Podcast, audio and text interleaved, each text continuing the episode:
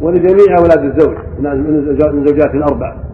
وهكذا اولاده من زوجات قبلهن أو بعدهن. كل أولاد الرجل إخوة الله. وكل أولاد المرأة المرضع إخوة الله. إذا كان الرضاع شرعي.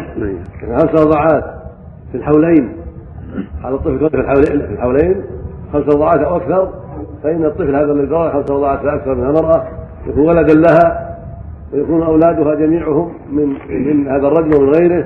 قبله أو بعده كلهم اخوة لهذا الرضيع. وهكذا الرجل الذي له زوجات. جميع أولاده اخوة لهذا الرضيع الذي من احدى زوجاته كلهم اخوة لهذا الرضيع.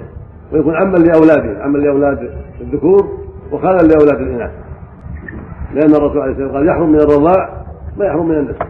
فكما أن أولاده من النسب إخوة فهكذا اولاده من الرضاع اخوه